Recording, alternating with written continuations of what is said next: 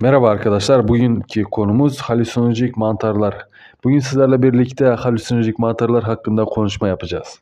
Halüsinojik mantarlar sihirli mantarlar olarak da bilinen anormal bilinç durumlarını meydana getiren psilosibin ve psilosin maddeleri içeren bütün psikoaktif mantarları verilen addır.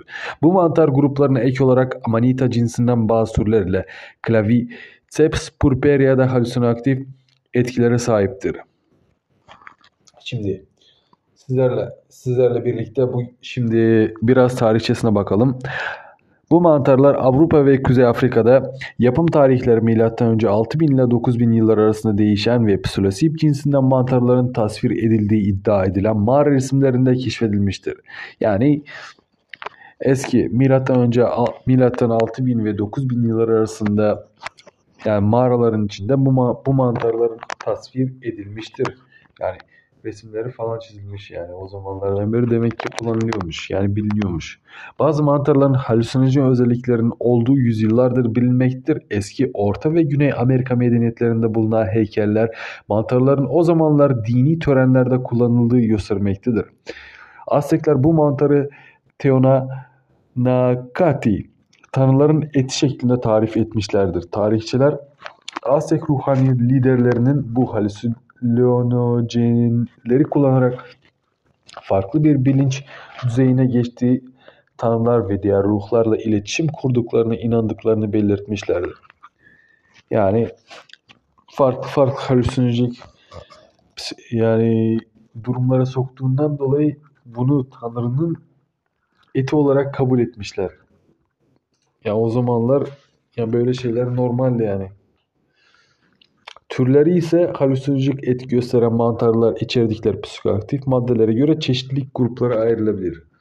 Yani mesela psilosibin veya psilosin içeren mantar türleri genellikle Copelandia, Gymnopolius, Inoxip, Paneolus, Poliotonia pluteus yani bir sürü değişik değişik abuk sabuk isimli mantarlar bulunmaktadır.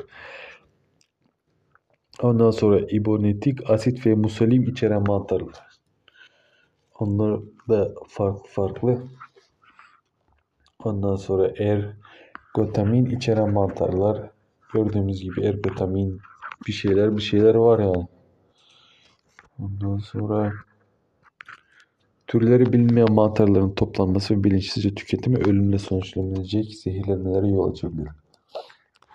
Genellikle bu mantarlardan LSD yapılıyor da Amanita muscari çoğu ülkede kontrol dışındadır. LSD ham maddesi olduğu için çavdar mahfuzu erişimi kontrol altında tutulmaktadır. Hollanda ve Çek Cumhuriyeti dışındaki Avrupa ülkelerinin çoğunda halüsinojen mantarların bulundurulması ve tüketilmesi yasa dışıdır.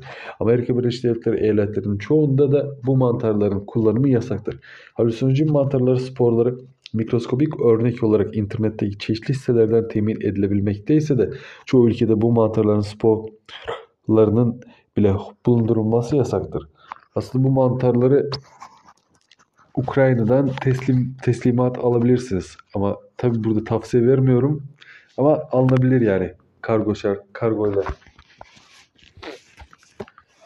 Evet ondan sonra Hollanda'da varmış halüsinojenik mantarları yetiştirilmesiyle ilgili bilgi. Şimdi yetiştirilmesiyle ilgili bilgilere bakalım. Hep birlikte. Oho bir sürü değiş değiş şeyler çıktı.